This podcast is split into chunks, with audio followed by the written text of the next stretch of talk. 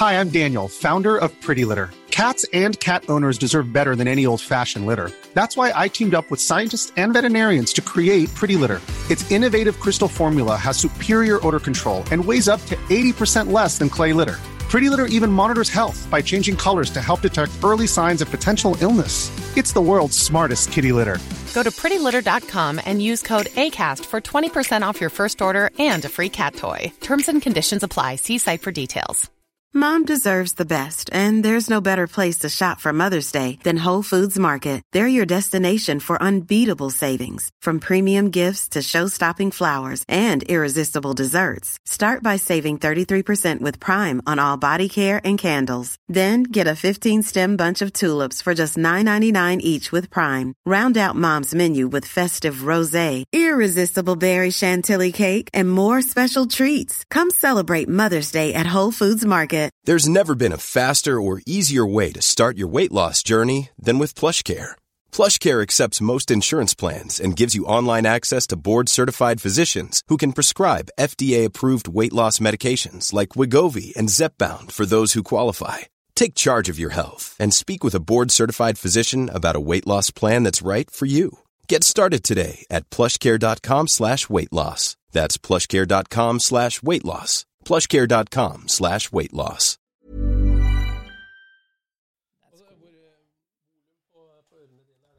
En, to, tre, en, to. Der har vi en, to, tre. Ja, det er jo kjempebehagelig. Ja. Det er litt ekkelt å høre seg sjøl, da, men Det er så godt å høre på egen stemme. Nei, det er verst. Høres jeg sånn ut, tenker jeg. Ja, det blir sånn. Hver gang jeg har vært på Stilt Legal Center, så jeg fy faen, dette kan jeg ikke holde på med. Det høres helt fjernt ut. Ja, er du, gjør du fortsatt spikerjobber, liksom? Nei? Ja, men det har gått over til eh, god, litt annet. Vi har mye motorsykler, og jeg er fast uh, speaker for André Villa, Ja. uh, trønder. Ja. Uh, mye sånne show som vi har hatt. Mye sånn arrangement for barn og veldig mye sånn. Vi leide Ullevål stadion her, og jeg som er helt anti-fotball, som skjønner ingenting, jeg spilte en sentral rolle på midtbanen på Ullevål stadion. Det er, der har vi vunnet mange veddemål, altså, for det er ingen som tror at det har gjort. Nei. Og da var jeg jo en speaker foran eh, kommunen. Du lytter nå til Scootspodden, en norsk podkast om klassisk bil med Jon Roar og Øystein.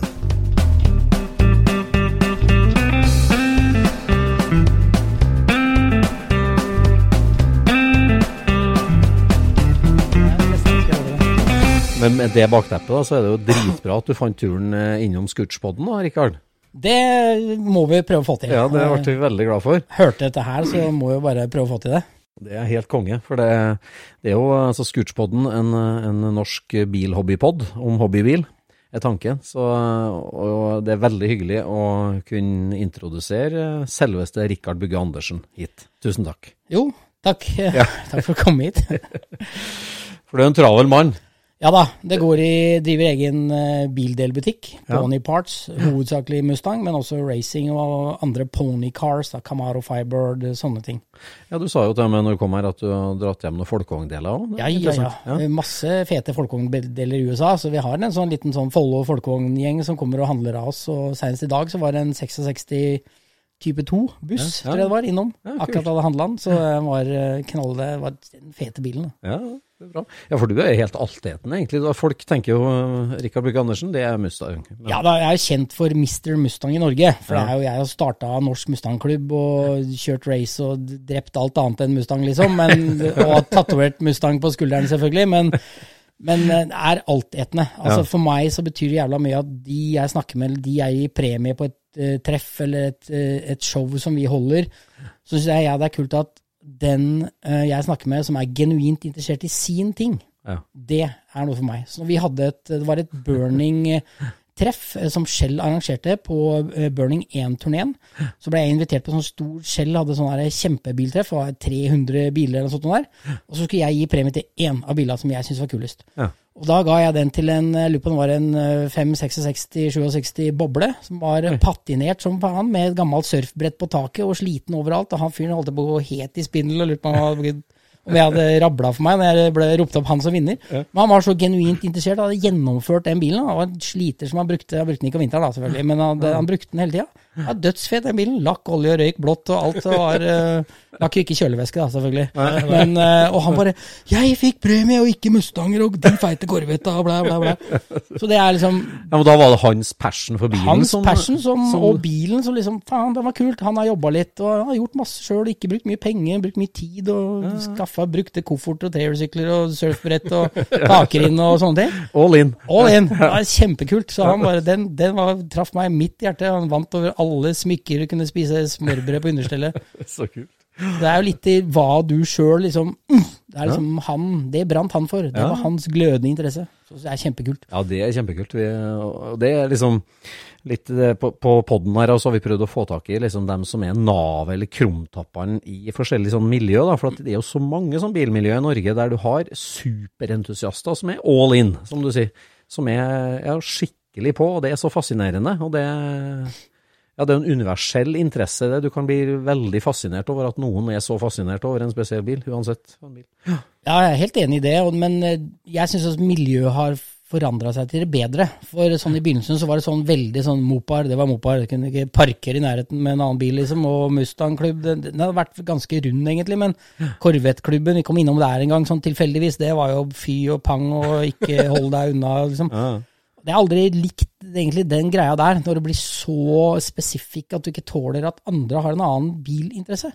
Vi har jo i Mustang-klubben veldig mange år hatt, eh, når vi starter hele cruisinga midt i eh, Elverum, så har det vært sånn at eh, ja, vi har hatt Camaro som har leda cruisinga, Ja. og Corvette som har leda cruisinga.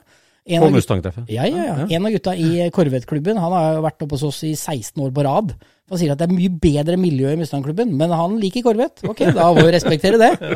Og Rallyrut, som er superkjent i miljøet, kjører jo Camaro. Hun har vært der oppe ti år på rad eller et eller annet. Har du ja. Og de første som kommer med Camaro, tenker å, kan jeg parke her? Kommer folk til å ripe opp bilen min og sparke i døra? Du, hallo, da er det, ikke, det er ikke sånn det funker. Men har det kommet med alderen, da, Rikard? Eller altså, var du sånn når du starta ut tidlig, du? Så altetende? Eller har det kommet Ja, litt med alder? Hvis jeg skal gå litt tilbake og fortelle litt om meg sjøl, da. Ja. Eh, Sånn, hvis vi nå hoppa vi litt fort, langt Ja, litt fram i tiden. Ja. Men eh, jeg er jo født i 1965 Chevrolet Impala. Unnfanget eller født? Født. Født, ja. Og det var ikke rart jeg grein da jeg var liten. Nei. Impala er jo sørgelig greit. Nei da.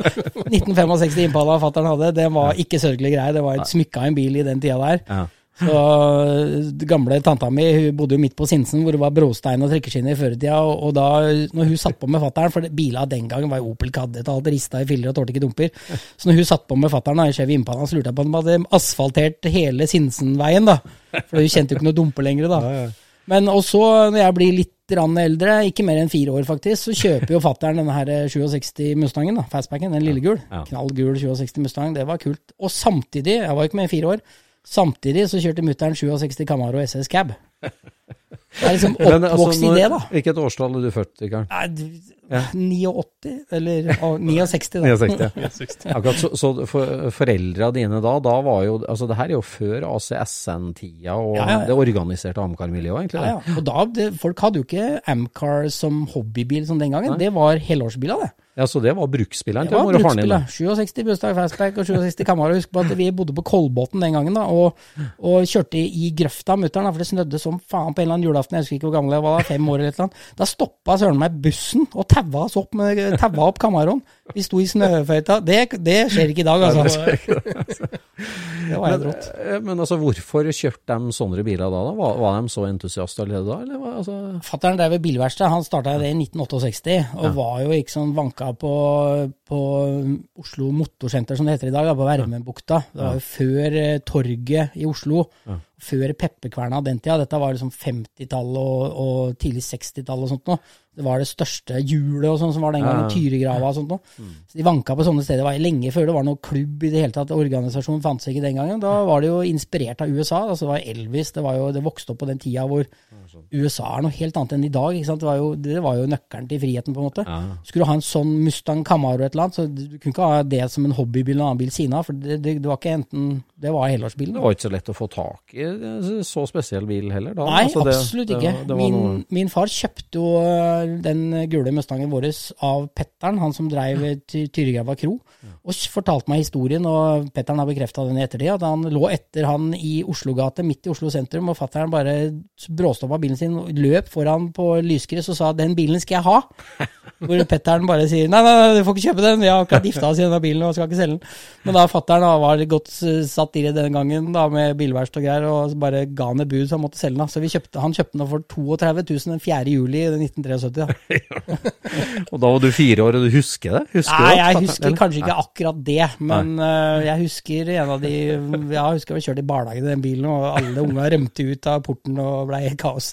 Det, det, man klarer ikke å sette seg inn i det i dag. Uh, fordi at, eh, Husk på den bilen her var knall gul fastback Mustang Ja. i 1973. Det var gjennomsnittsalderen for bil i Norge var 13-14 år gammel.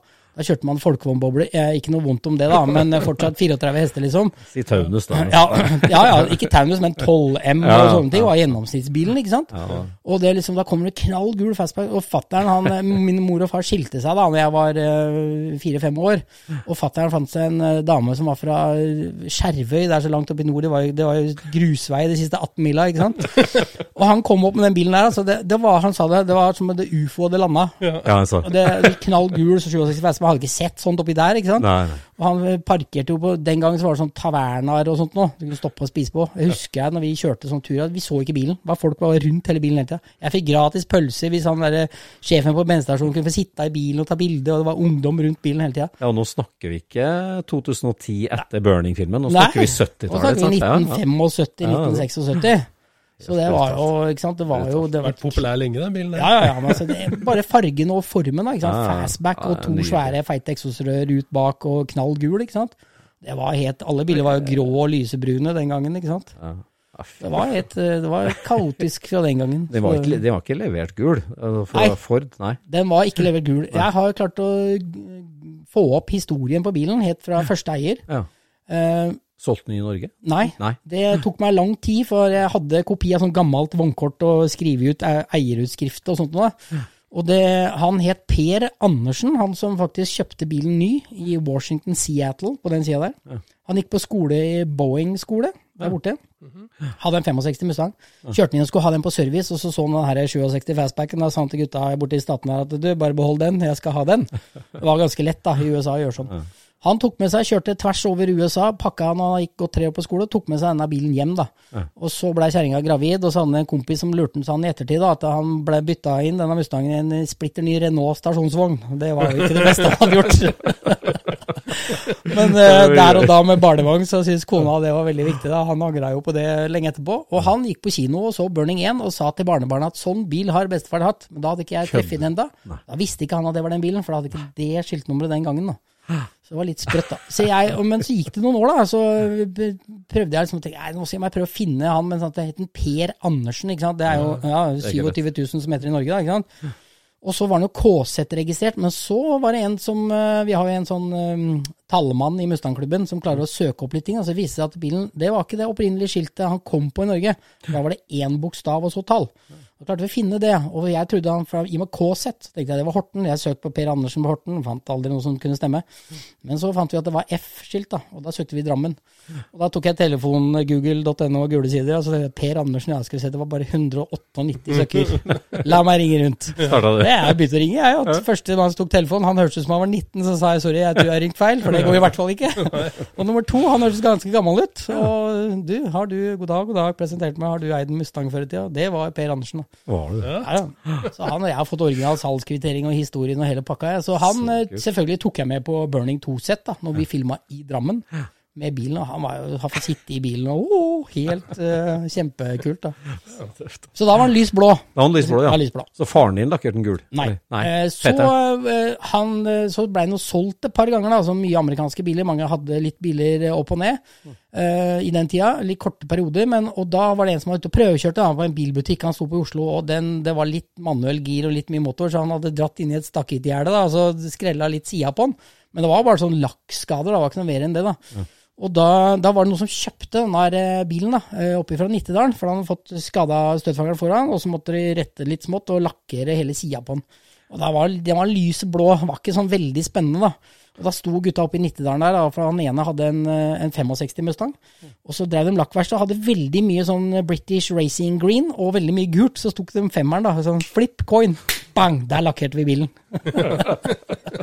Så den kunne ha vært bullet grønn. Kunne vært bullet grønn. Jeg tror historien kanskje hadde vært helt annerledes både når det gjelder Mustang og alt, hvis den bilen ikke hadde blitt knall gul. Ja, det er noe med det. Så det var liksom den femkroningen som landa på krona, pst, bang. Det er tilfeldigheter som skal til. Altså. Det er. Så det, og, men seinere, da. altså De gutta som eide den den gang, han som lakkerte bilen, han har jeg også blitt kjent med. Han var jo 65 hardt opp i dag. Han kom bort til meg og sa du, den bilen jeg tror jeg har lakkert.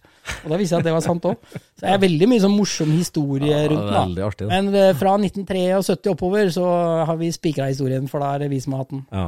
Ja, for da kjøpte faren dine, og du, du eh, vokste opp med skilte foreldre, da, men de var jo bilinteressert begge to, og Ja, det, ja, fortsatt da. som bare det. Fortsatt bilinteressert. Og Mutter'n ble sammen med en eh, fyr, og han kjørte Blazer helcab eh, på vei til Bergen i snøstorm, så jeg er oppvokst i mye rare biler opp gjennom åra, ja.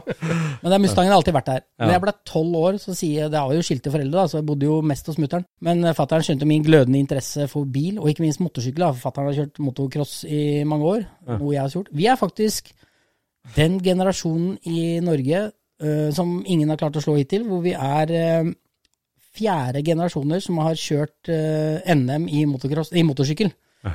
Min bestefar kjørte på Dælinga speedway og langbane sammen med Basse VM, en sånn kjent figur. Ja, ja. Fatter'n kjørte motocross på slutten av 50- og 60-tallet. Jeg kjørte aktivt motocross for NMK. Vi har aldri vært i NMK, da. Kjørte aktivt motocross på 80-tallet og litt 90-tallet. Og guttunga mine har kjørt eh, opp til og med kjører enda, han minste. Ja.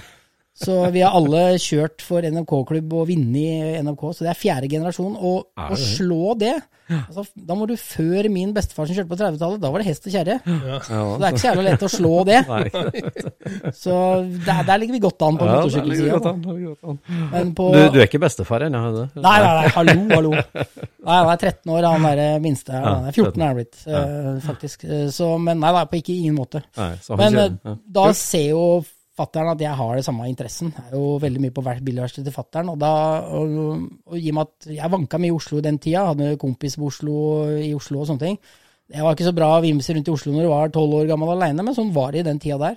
For Da da er vi ca. 1980, da, ikke sant? Ja. Eh, Tidlig 80-tall. Da er vi sånn 81 82. 80. Da sier fattern til meg når jeg er 12, så sier han at uh, hvis du aldri, jeg må aldri hente deg på en politistasjon, eller hvis du aldri begynner å røyke, skal du få ta over denne Mustangen her når du blir 18 år. Sånn. Så det er aldri røyka annet enn dekk. Det har blitt litt av det, da. Det har blitt litt mye dekk. Men det var en veldig bra gulrot, da. Gjorde det, ja. Jeg gjorde det veldig Hold deg på rett side, rett og slett, så jeg får du Mustang. Ja, det var gulroten. Og det var klart, jeg kjørte Mustang kanskje litt før jeg var 18, uten at han veit det, men det var veldig sånn Veldig lokalt rundt, da. Så vi var veldig nervøse for å bli tatt for det. Jeg gjorde mye bøll, jeg òg, som alle andre når vi var unge, men jeg stjal aldri, gjorde aldri noen sånne ting. Jeg gjorde sånn Jeg, jeg kjørte fra po- politiet første gang da jeg var 11, da, på motocrossykkel, men dette var i Trøndelag. Oppvokst på Fosen, så det er var litt andre tider. Er du oppvokst på Fosen? Jeg er oppvokst på Rissa. Oh, ja. U- ingen som tok meg. Altså alle det var sånn kapp, De visste ikke hva motocrossykkel var på Rissa i 1980. ja. Men hva gjorde du på Rissa? Det Jeg bodde jo jeg. der. Mutter'n og fatter'n var skilt. Oh, ja, så, og du ble med mora di jeg til Rissa? mutter'n til Rissa. Ah, ja. Så da, og da alle kom da, skulle kjøre om kapp, alt med Escort 1300 trimma GT og 100 kubikker. Så skulle, den visste jo ikke hva motocrossykkel var. Så det var en sånn bitte liten Yset Yama Yamaha 80 kubikk. Den hadde 19 hester og veide 59 kilo, og jeg veide 22 eller noe. Ja. Jeg hadde jo ikke kjangs på en grusvei å ta meg i aksen. ikke sant? Jeg tjente jo så mye penger på den sykkelen. ikke bra. Men så mutter'n hadde jo leilighet i Oslo, no, øh, vi pendla litt fram og tilbake. da, så jeg, Da jeg var tolv, tror jeg, da fikk jeg parkeringsbot på Nissan Sherryen hennes på Majorstua. Det var ikke så kult, faktisk. Sånn sherry og det òg. Ja, midt i Majorstua, det, det var ikke bra. Jeg og kompisen skulle leie film og kjøpe godteri, og vi visste ikke at du måtte trykke ned og vri for å få den der Nissan i revers. da. Hadde vi parkert oppå et fortau og skulle bare kjøpe noe godteri og leie videofilm. Da sto det en og skrev bot på utsida. Kunne jo ikke akkurat gå inn der og sette meg og kjøre. Jeg så ikke ut som jeg har ikke aldri vært så svær for alderen. Altså.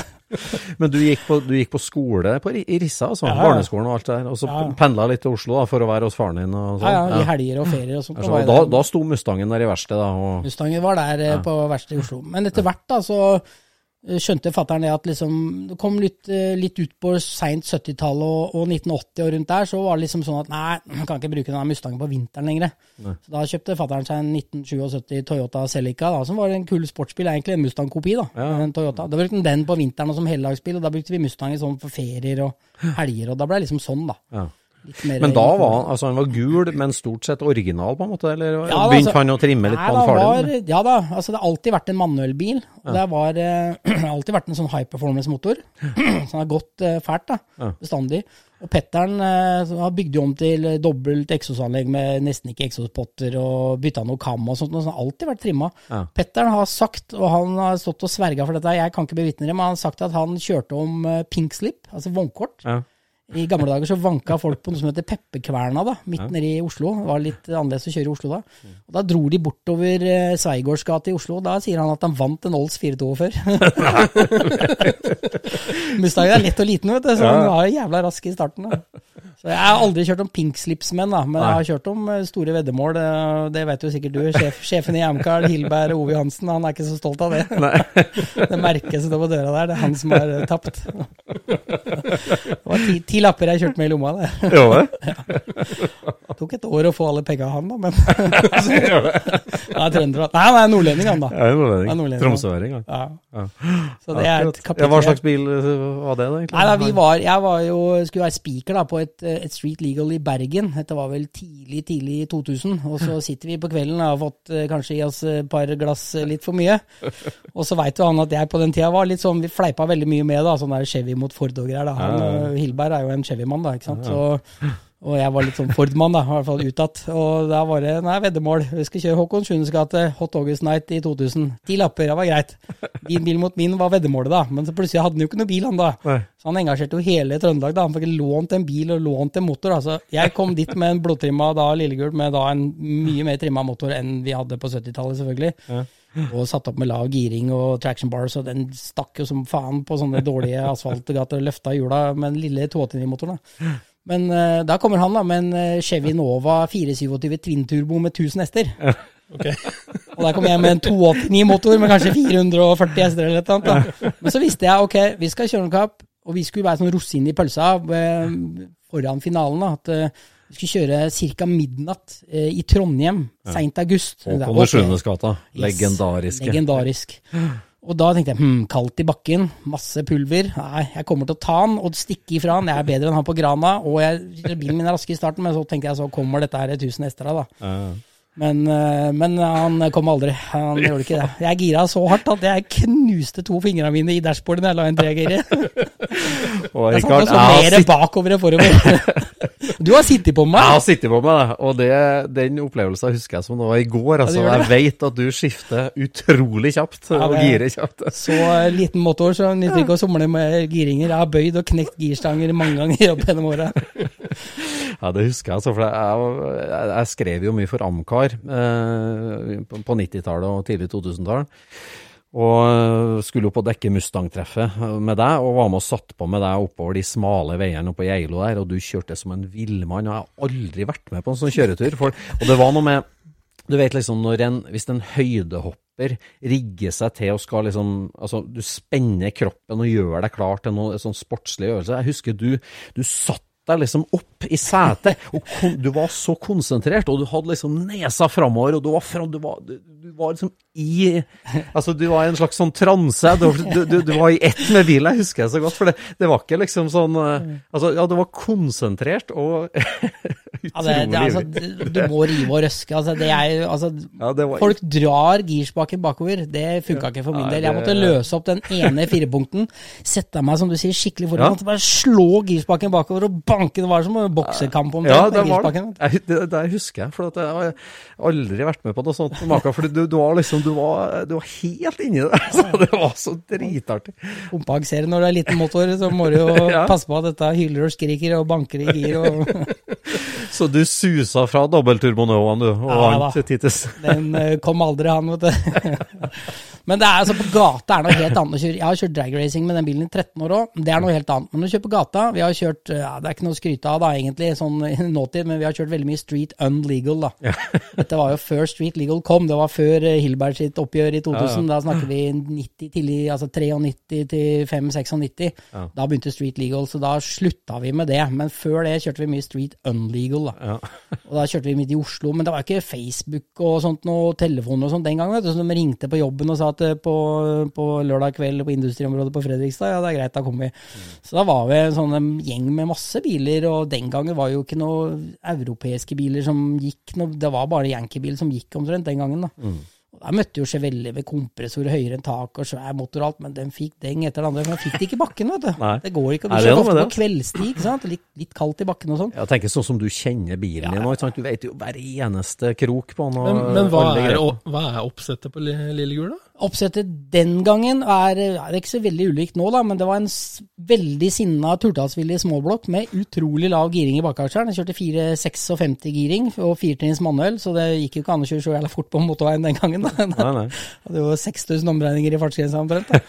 Men bilen er veldig lett, og Mm. har jo kjørt den bilen så mye at jeg har fått satt opp liksom hjulopphengt både foran og bak, for begge deler er like viktig, for å få feste. da. Så jeg- Er det sånne slappers, eller hva er det Nei, jeg, de slapperbarsa, de, dem knakk jeg noen av. Ok, Måtte litt sterkere skyddstill. slapper bare Slapperbars går fint på en manuel, Det er en automatbil med 300-400 hester, men ikke på en sinnssyk manuellbil hvor du flytter beinet til side på 7500 omregninger. Da hadde du sånn hjelpe... Ja, det er, det er sånn Caltrax heter det Ja, da. stemmer Det det, er eh, litt, litt mer avansert uh, traction bar-system da, og monolif-dempere. Og så handler det om de små detaljene. som skal riktig lufttrykk i dekka. Og så selvfølgelig, jeg hadde så liten motor, så alt var viktig. Så hadde jeg jo masse lufttrykk i dekka foran. Det var helt ukjørelig, men jeg hadde 60 pund foran da, ikke selvfølgelig, og 12 bak. ikke sant? Og justerbare dempere, for det er veldig viktig. Mange som ikke skjønner at hvordan Nå forklarer jeg det med henda, da, men hvordan en bil vrir seg da, når du drar av gårde. Og den, på grunn av motorens vridning så vil det vri seg ned på passasjersida. Og du ser sånn som biler som har mye hester på en dragracebane, så ser du at de ofte har hjulløft på ene hjulet og ikke det andre hjulet. Mens eh, på, på gata så er det så viktig å få feste ned i bakken. Så jeg har justerbare dempere, hvor jeg da selvfølgelig klikker høyre demperen et par-tre klikk mer enn på den andre sida. Slik at jeg planter riktig. Sånn at jeg får maksimum feste her. Så det Står like handler jo tungt på begge, Yes. liksom. Ja. Det handler om å komme i gang. Kommer du ikke i gang av de første 15 metera Jeg kan vite etter 15 meter så veit jeg om jeg vinner eller ikke. Ja. Så ja, sånn er det med en Du, gang. du bomgirer ikke etterpå. Nei, nei, nei, nei, ikke snakk om. Så det, det har skjedd, selvfølgelig. De fire gira kan du. Ja, nå er det seks i dag, da. Er det seks i dag, ja? ja, og motorveiene ble, det ble så fine veier etter hvert, så ja. nytta jeg ikke å kjøre i 80 lenger. Vet du. Så Ja, nå er når, det du, når, du kjørte, altså. når du kjørte da helt spesialtuna firetrinnskasse for 200 meter, stort sett, da, street legal, eller? Ja, nei, altså, det var ikke noe spesialtuna girkasse i det hele tatt, for vi gjorde litt sport i det. da. Den girkassa var helt dønn original. Og vi kjørte så fort med den bilen og gira så på turtall, men de Ford topploader-kassene, de er originalt, det er, den brukte de med prosokk i gamle dager, tålte 1000 hestekrefter. Så jeg klør- klarte i hvert fall ikke å ødelegge den med min eh, 289 på under halvparten av det hestene. Eh, Så den gikk aldri i stykker. Og vi gjorde litt sport i det, da, for alle da, GM-gutta og sånne ting, de hadde ut og preppa og modda overalt i girkassa si hele tida. Vi kjørte i 13 år og bevisst tok aldri girkassa ut av bilen. Bytta olje på den. Ja, men par tenk om det var så lavt gira, sa du? At, Ja, bakaksjen var lavt gira. Bakaksjon var gira, ja. Ikke girkassa. Ja. Nei, nei, Den var skjønner. Ja, hva, hva slags turtall og hastighet hadde du over mål der? da? Nei, altså vi, vi kjørte Vi hadde vel listet sånn i begynnelsen. Da vi, vi det gikk jo Først hadde jeg ikke råd til sperre, og så hadde jeg ikke råd til sliks, så det gikk jo litt sånn stegvis dette her, da, ikke sant. Men vi hadde vel en 100 og noen og 80, 105-86 km over mål da, på, i nå snakker vi tidlig, tidlig 90-tall. Og når jeg begynte å trimme Jeg hadde jo sittet på tribunen på Gardermoen fra ikke fra 78, når dragracing starta i Norge, men fattern tok meg med fra sånn 83 og sånn, hvor dragracing var veldig stort i Norge. Fra den tida så sa jeg at jeg skal kjøre dragracing med Mustangen, og alle bare sa det kan du ikke med 289, du må ha big block Chevy. Ja, da sa jeg det driter jeg i, sa jeg bare, jeg skal bare kjøre. Men jeg vant det første stevnet mitt, da, så det var jo Det gikk tok jo helt av derfra, da. Ja, Vi hoppa litt i historien der, da, for at eh, når du var 12, så ble du lovt hold deg på riktig side av loven, så får du Mustangen når du blir 18. Og, når, og det gjorde du, og Ja. du fikk den når du var 18. Tok over da jeg var 18. Ja, Og da street unlegal dag nummer én, da, eller? Nei, da var den jo liksom eh, Da var den moden for litt eh, lakkering og hadde en skjerm og liksom var ikke helt Ikke de felga som jeg likte, og motoren var småtrimma sånn som han hadde vært hele tida. Så jeg, da 18 år gammel, går i banken og sier at eh, jeg skal låne Dette, dette var 1987. Og da sier jeg at jeg skal låne 55 000 for å trimme motoren på Mustangen min. Åh, jeg hadde ikke fast jobb engang. Jeg hadde heltidsjobb. Men det var veldig lett å få lån den gangen. Han i banken han ser jævlig rart på meg, så sier han du, vi skriver at du skal pusse opp hybelen din. Og da var hele stua var jo Mutter'n fikk ikke lov til å gå i stua. Det lå stempler og kammeaksel og headers og alt lå i stua i flere måneder. Så da blei bilen lakkert opp nyttig da, for 5000 kroner. I 1988 ble den lakka fresha opp gul igjen, da. Ja. Og motoren ble tatt skikkelig, da, så det var mer på motor enn det var på, på, på pynt. da. 50 på motor og 5 på lakk. Ja, Og den lakken sitter der en dag i dag. Gjør den? Ja, ja, ja. 5000 kroners lakken fra 88 sitter ja, har blitt reparert noen ganger da, etter disse burning-filma, selvfølgelig. Ja, ja, ja. Men det er akkurat den samme lakken. Så godt investerte 5000 kroner den gangen. altså. ja, det var bra jobb. Men motoren har vi jo, den klarte vi aldri å ødelegge, den motoren. Det gikk ikke. Men vi tok den ut etter mange år fordi at eh, vi tenkte at det var noen raklelyder, og tenkte at nå, nå sprenger denne motoren. Og tok den ned, da. Men svarte, det var jo kløtsjlyder og et eller annet sånt, som rakla ikke i motoren. Men da, og så drev vi mer og mer med pony parts. da. Putta inn litt sånne stroker-motorer som vi solgte litt av, og sånt, og prøvde sånt, men det var jo ikke i nærheten av morsomt. det, sånn 347-stroker var ikke noe turtall, ingenting. Det var 450 hester, da, men det var ikke like moro som 289. Og så ja, en kompis som jeg ble tidlig kjent med, da, og en eh, Carl Ness, som holder til ikke så langt herfra, en eh, Madness Power som han driver i dag, da, som står på ruta på Lillehjul. Han bygde noen motorer som absolutt skulle ha prøvd i Lillejord, så vi putta jo inn 302 Boss-motor og ene 302-motoren etter den andre, men det har alltid bare vært smallblock-motorer. Ja. ja, for det ble en slags religion for deg, det der. Jeg Og det handler om turtall, det. Ja, han lite kubikk og turtall. Den, der, eh, den eh, 302 Bossen, der gira vi på, på 8004 eller noe sånt, tror jeg. Ja. Hylhard skreik. Men jeg kjørte jo jeg kjørte dragracing fra 93 og vant jo øh, første løpet mitt. Jeg vant alle løpa, tror jeg, i 96 eller noe sånt. nå. Det var øh, absolutt alt. Vi kjørte street legal og dragracing og everywhere, overalt. Øh, Men så kom det at vi justerte denne 289-motoren mer og mer og mer, og den tida så var det ikke lov til å kjøre under 12 blank uten å ha veltebur i bilen.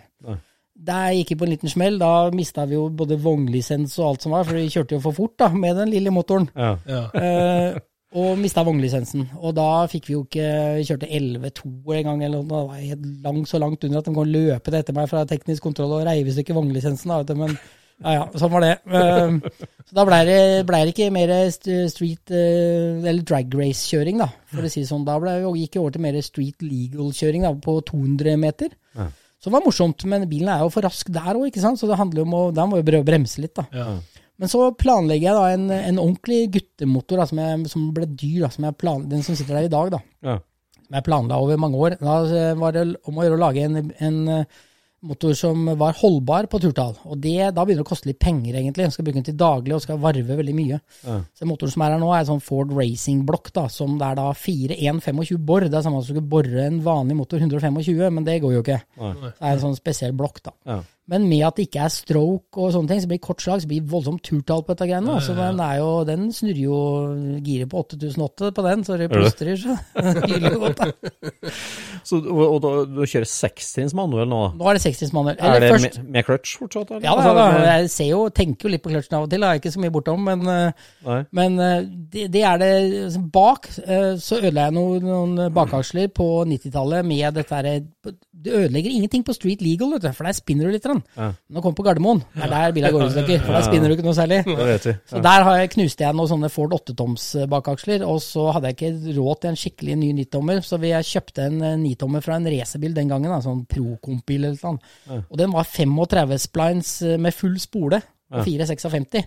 Stikkaksler er jo så grove som sånn, og med den bitte lille motoren jeg kjørte med, 280, det var ikke snakk om å ødelegge den, da. Så vi kjørte i seks-sju år, jeg, før vi glemte at vi ikke hadde bytta olje på den på seks-sju år. Så den sitter der den dag i dag. Jeg har bytta tre ganger olje siden 90-tallet, tror jeg, på den. Men, så da har jeg en skuddsikker motor, en skuddsikker bakaksjer, men girkassa har fått deng i siste, da. Så jeg angrer jo egentlig på at jeg tok ut den originale firetrinsen, men det er jo den lave utvekslinga mi bak som gjør at det blir slitsomt å kjøre på motorveien i dag. Så jeg har vært innom en Astro Performance femtrinskasse, den takka for seg.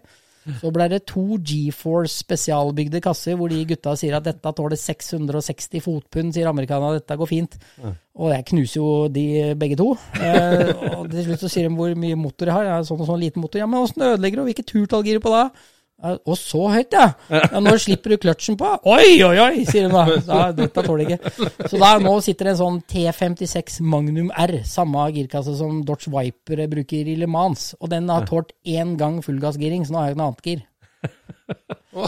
Så det er rett før jeg setter inn den gamle firedrinsen igjen. Så, så Ja, det det det, altså, hva, hva er det som ryker? Altså, er Nei, det det knuses innvendig. Det er, de sier det er turtall. Altså Når du flytter beina når du står med varme sliks, da, og denne bilen som er satt opp så den planter seg veldig godt da, Du skal jo selvfølgelig det er kanskje bedre hvis du hadde sluppet kløtsjen, men når du flytter beinet til side Ja. på 8000 omdreininger, så blir det sjokk. eh, og Da er det jo det svakeste leddet som går til helvete hver gang. Da. Så det er klart, jeg kan sette inn en rein dragrace-kasse. Ja. Det vil jo tåle det. Men det er jo én til én på det siste giret, og da er jo like langt. Ja. Jeg kjører så mye med den bilen til vanlig at eh, jeg må ha et eh, overgir når jeg skal kjøpe motorveien. Det er det som er en sånn gearwender, da. Ja, det sier de at du stjeler mye effekt og mye rart, det òg, da. ikke sant? Og jeg vil ikke tape noe effekt. Det kan jeg i hvert fall ikke gjøre. Så jeg sliter, sliter med girkasser for tida. Altså, det er Ja, ja. dem amerikanerne sier skal tåle det ene og det andre, det tåler i hvert fall ikke meg. Nei. Det er ikke bare motoren, det er deg òg. Ja, det er, det er nok mye meg, altså. Det er, noe som, det er flere ganger at han, eh, han eh, mekanikeren min, Carl Ness, kan si at kan du ikke prøve å slippe kløtsjen en gang, da? Ikke bare dumpe beinet til sida. Men eh, er du altså, Etter alle de startene du har vært med på eh, konkurranse, er du fortsatt liksom altså, Er det samme adrenalinnivå, eller er du nervøs liksom i en sånn duell fortsatt, eller hvordan? eh? Nei, jeg er aldri nervøs, men jeg er supergira. Ja. Hvis det noen gang hadde slutta å bli de der sommerfugler og gira, da hadde det ikke vært noe gøy å kjøre mer. Nei. Men det er samme nå det er som når du var 18? akkurat- Det er prikk likt, det. altså. Ja. Ja, jeg må si eh, det er ikke noe å lure på engang. Altså, det, jeg hadde, jo, jeg var litt nervøs her en gang på Fredrikstad for noen år siden. For Ja. da kjente jeg at, jeg kjente symptomene at nå går denne girkassa til helvete. ja. Og i første elimineringsrunde da, så hadde jo noen tatt med seg en Tesla hvor de hadde hivd ut bakseter og hadde med på henger, og den var sånn, skulle gå superfort. Den gikk jo fort! Han var jo langt oppe på kvallista eh, tidlig på dagen, for da var det litt vått, for det var firehjulstrekk, ikke sant? Så det satt jo jævlig bra. Så begynte det å tørke opp utover dagen, da ramla den litt nedover. Og da, i første runde, så skal jeg møte en av Teslaen hvor jeg kjente at å, å, nå girkassa mi er på vei, så tenkte jeg fy faen, skal jeg tape jeg mot en Tesla? Så kommer YouTube til å eksplodere, jeg får høre resten av livet, da. Nei, men han hadde jo ikke sjans i helvete, da. Men det røyk i da- draget etterpå, da. Så det? da tapte jeg mot en Mustang-kompis, men det var jo greit. da. Det er greit. Liksom. Ja, det var greit. Men du tok Tesla? Altså. Tesla hadde ikke filla kjangs, det ligger jo på YouTube, da. Men det hadde vært veldig kjedelig hvis det hadde stått andre veien, da. Så den gangen Men da var du litt nervøs? Da var jeg nervøs, og ja. tenkte at, jeg kan ikke tape mot en elbil. Og jeg visste jo at eh, hvis girkassa hadde gått til helvete, så hadde jeg jo kanskje tapt. Men Ja, ja. eh, jeg, jeg vurderte første og trea, men det er jo ikke, det er ikke lett å ta den fort, skjønner du. Så tenkte jeg nei, nei, vi får bare prøve. Nei, han hadde ikke sjans, han kom tilbake etterpå. Han hadde ikke blitt sånn kjørt fra før, da, så han var litt imponert. Men liksom sekvensiell kasse eller sånt, det er ikke noe for deg? Det skal Nei, være H-giring og clutch? Ja, det skal være H-gir. Da, er du på- da er du liksom ikke gatebil lenger. Altså. Det er jo, folk sier at eh, det er folk som sliter med automat og sliter med gir. Mange av eh, kundene våre så og se folk i street eh, legal-miljøet. Veldig mye Mustanger som er manuell gir, men det er veldig mange som sliter da, med å gire fort. Ja. Og de har bygd om til automat. Nei, det går ikke. altså. Det ja, da må du få sånn blått kort i vinduet. Altså. Ja, du sliter ikke med å gire fort, det kan jeg stille på. jeg sliter med å få girkasser til å holde. Men eh, kunder, så du må jo du må dra oss litt gjennom Ponyparts-storyen nå, eh, kort. Ja, Ponypart så er det egentlig starta jeg som følge av eh, at jeg egentlig sjøl ikke fikk så veldig bra service når jeg kjørte, kjøpte deler til min egen bil. Ja. Eller Servicen var ganske bra, men kunnskapen av de som jeg skal ikke nevne navn, da, men som jeg kjøpte deler av den gangen, og sånn, den var ikke på nivå til det det burde være, liksom. Og da tenkte jeg nei, faen er dette for noe tull? Her er det et miljø for noen som kan Mustang, for det var jo veldig stort. da. Dette var jo før jeg eh, Nei, faktisk rett etter jeg hadde starta Mustang-klubben i Norge også. Og nå er vi da tidlig i 90 Da er vi på 94. Ja. Og da jeg akkurat starta Norsk Mustang-klubb, som tok helt av. Eh, og mm, ser at det er det folk Mustang-deler Det er jo ikke noen er spesialister på Mustang-deler. Det er jo masse firmaer som selger Amcar-deler, men de, de er jo liksom Altså Hvis jeg skal forsvare dem, da, så kan du ikke kunne alt om alle biler. Nei. Og det var helt tydelig at de ikke kunne. Så vi er litt Ja, mer For, for sånn liksom, Mustang-religion kan du si er jo den eh, største eh, gruppa i Amcar-miljøet. På en måte Hvis du tenker Amcar under ett, så er vel Mustang den største gren. Og, og jeg tenker 94, da var det jo dem 30 år gammel, og 30-årsregelen gjorde at det rant jo på med Mustanger sant, utover 90-tallet der, og Ja eh, importen. Det er riktig. Altså, jeg skal ikke snakke stygt om noen andre miljøer, for det, det mener jeg ikke heller. For jeg var faktisk med og stifta Camaro-klubben i 2013, 14 eller 15 sammen med Rallyrut, for å ønske at det også skulle komme opp, og kanskje samarbeide med Mustang-klubben og sånt noe. Ja.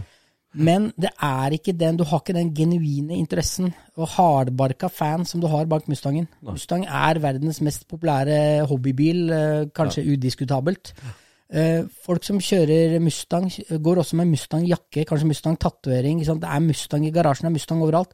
Ikke for å si noe vondt om Firebird og noe andre merker, men det er en kul bil som folk har interessen av i noen år, og så selger de videre. Det var ikke så Det var, det var kul bil, liksom. Eh, Så du, du, dessverre, vil jeg si, da, så har ikke de eh, den entusiasmen som Mustang har, på noe som helst måte. Altså, du ser Nok en gang skal jeg ikke snakke gærent om noen miljøer, men folk som kanskje har, er, sitter veldig godt i det, som kjører en Ferrari, Porsche, Lamborghini, bor eh, Aker Brygge eller Holmenkollen eller whatever, de, kan, de kan gjerne ha en Mustang i garasjen sin.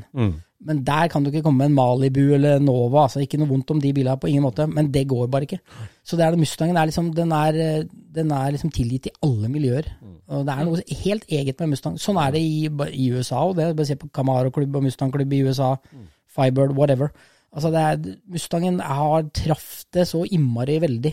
Uh, når jeg sjøl før Burning, da, når ikke den bilen var så jævla utrolig kjent som han er nå, og folk kommer bort til meg Det er ingen som noen gang har spurt om åssen bil det er. Altså Det kommer unger bort, det kommer eh, eldre folk, jeg snakker 80 år eh, og bort til Odd. det var kul Mustang. Hesten i grillen og tre baklysa, veit han at det er Mustang. Og så har jeg hatt eh, folk som har hatt eh, kunder som har hatt eh, mye finere Lincoln og Buke og Fiber og whatever, og folk har kommet bort. Det var en kjempekul bil, men hva er det? Den får du liksom ikke med Mustang. Nei, det ikke det. Så det er liksom alle veit hva det er. Så det, vi, vi, det, er, vi er liksom, ok, urettferdig sier noen da, men vi har en liten fordel der da, egentlig. Ja, og den, den bølgen var jo du midt oppi da med å starte klubben og Ponyparts, Ja. som, som ble eh, levebrødet ditt, og er fortsatt levebrød. Det er det. Eh, vi, jeg starta først for meg sjøl et år, og fant ut at uh, dette går jo ikke. Eh, så jeg måtte ta med meg en til. eh, Trym Thorsen. Han driver fortsatt uh, sammen med oss, i- eller med meg i dag, da, i butikken. Og jeg, jobber jo nesten livet oss rundt. Ikke bare Mustang. altså vi jeg var jo dypt inn i drag racing i mange år, og vi solgte jo deler til nesten alle drag racere, og Street Legal, akkurat det samme der òg. Vi er på en måte at vi, vi reisa sammen med kundene våre. Lærte kundene å lese dekk og sette opp bilene sine og komme med tips. Og det var det ingen andre i, i markedet som gjorde. Så vi hadde en stor fordel der. Altså vi, vi var på treff, vi var på racing sammen med kundene våre. Ikke bare sto bak disken og ser deg på mandag, liksom. Og det er, tror jeg var noe som folk satte pris på, liksom. Mm. Du har jo to sønner, sa du òg. Du har fått tid til familieliv og alt eh, oppi alt der, da. Nei, det, det hadde vært altfor lite av, dessverre. Men øh, absolutt. Men eldste sønn Altså, for å si det sånn, nå i dag er det jo tre lilleguler, da. Ja, Eh, er det? det er det. Eh, fordi jeg må litt tilbake til å forklare hvorfor det, da. Altså, det er, eh, det er eh, fordi at skuespillere er ikke så, kan jo ikke kjøre bil på samme måte. Nei. Det, det er ikke noe å legge under stol. Selv om vi har en veldig tøff skuespiller, da, Anders Baasmo. Han vil gjerne, og i Burning 1 så kjørte han jo faktisk Lillegul i en 220 km på E6-en, men han har fått mindre og mindre lov å kjøre, kjøre disse bilene, og når vi skal kjøre ganske heftig, så må du kjenne bilen. Ja. Og akkurat den motoren som sitter her nå i dag, den er såpass hysterisk at den tror jeg ikke hverken han eller noen andre skal sette seg inn i og begynne å kjøre med. Så vi har jo av den grunn også uh, laga uh, k- kopi av Lillegul. Um, Filmselskapet kjøpte, når vi lagde Burning 2, så skulle vi gjøre noen scener hvor jeg skulle kjøre gjennom en vegg og hoppe ut av grøfta, gjøre masse stunts med bilen, og det var jeg sa jeg fra, det gjør jeg ikke med Lillegul, for det her kommer det til å skje skader. Da får dere kjøpe en bil, og så får vi bygge den opp. Ja, det er greit, det gjorde de. Kjøpte en bil, og vi folierte opp og laga den til å se lik ut Lillegul. Selvfølgelig, lyden den er tatt opp i ettertid, og det er selvfølgelig bare et Lillegul. For det her er en automatgira bil med litt mer normal motor, sånn 300 hester kanskje. Helt grei å kjøre. Eh, den ligner på, på litt avstand, sånt men er på langt nær lik allikevel. Men eh, det ser man ikke. Og skuespillet er ofte sånn at dem, de blir filma med de store, nøye kameraene. Så det er ofte sånn at de setter seg inn i bilen, og så blir de filma mellom fem og åtte meter. Så er de ute av fokus. Så dessverre da, for Anders, for han vil jo veldig mye mer, men han kjører nesten aldri mer enn fem eller åtte meter. han kjører ikke med lillegul heller. men de er jo ikke like innvendige, og lillegul er manuell gir og helt annerledes. Så de er jo ikke, de, er like store og like ratt som skal se sånn ut, men alt annet må jo filmes med lillegul. Men da er det selvfølgelig green screen, og det er på low-loader, henger og så, Og de, ikke kan, de, de kan jo ikke sitte og snakke med hverandre inne i bilen når motoren er i gang på lillegul. Det går jo i hvert fall ikke. Det går ikke. Så, så det er sånn at skuespilleren kjører mellom fem og åtte meter, og så er det et nytt klipp, og så ser bilen drar av gårde som et helvete. Da er det selvfølgelig meg med parykk og kostyme. Så sånn er det film. Ja, jeg skjønner. Ja.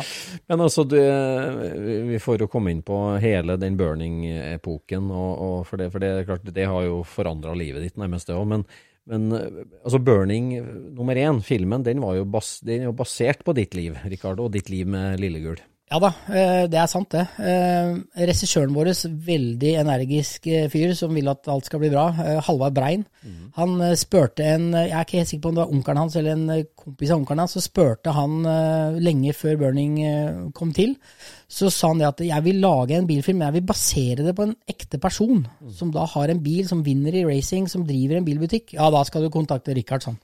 Da kom Halvard Brei til meg, dette er to og et halvt år før vi begynner å produsere Burning. Og da kom Halvard Brein ut til meg og skrev notater og hva vil du gjøre sånn og sånn, hvordan vil det skje, hvordan kan det skje. Han er ikke noe god på bil, men han har veldig mye gode ideer og sånt noe, så jeg må hele tida passe på passe på ting der. Og da baserte han jo da hovedpersonen, da, Anders eh, på, eller Roy Gundersen i filmen, da, på meg. Fordi at, men vi kunne ikke hete Pony Parts i filmen, for det er for mye reklame, så det ble Stallion Parts, da, som er nesten det er samme logoer og sånne ting. Altså det, folk skjønner det, de som skjønner det, men det er samme. Uh, og han, vi bygde jo opp butikken, så det skulle være butikken, og Lillegul har jo hett Lillegul lengre før filmen. Ja. Det er jo faktisk Det var et eh, navn du satte på? den? Nei, det er, ikke, det er faktisk ikke riktig. Det er en konkurrent av meg fra 90-tallet. Som var så forbanna hver gang han så disse listene hvem han skulle møte i stigene på Gardermoen. Drag Race, så faen skal jeg møte den der lille, den eh, gule Mustang med den lille motoren, den jævla lille gule bilen. Så der var jeg faktisk en konkurrent som har døpt ned, så det har blitt hengende med fra tidlig 90-tallet, faktisk. Han kjørte Dodge Hemi Challenger 426, jævla hyggelig fyr og dødskul bil. Men han til slutt, da, vi møttes jo faktisk tre ganger i finale i 96, og så, til slutt så sa han, du, jeg ser ikke på grana, jeg ser bare den gule skjermen løfter seg.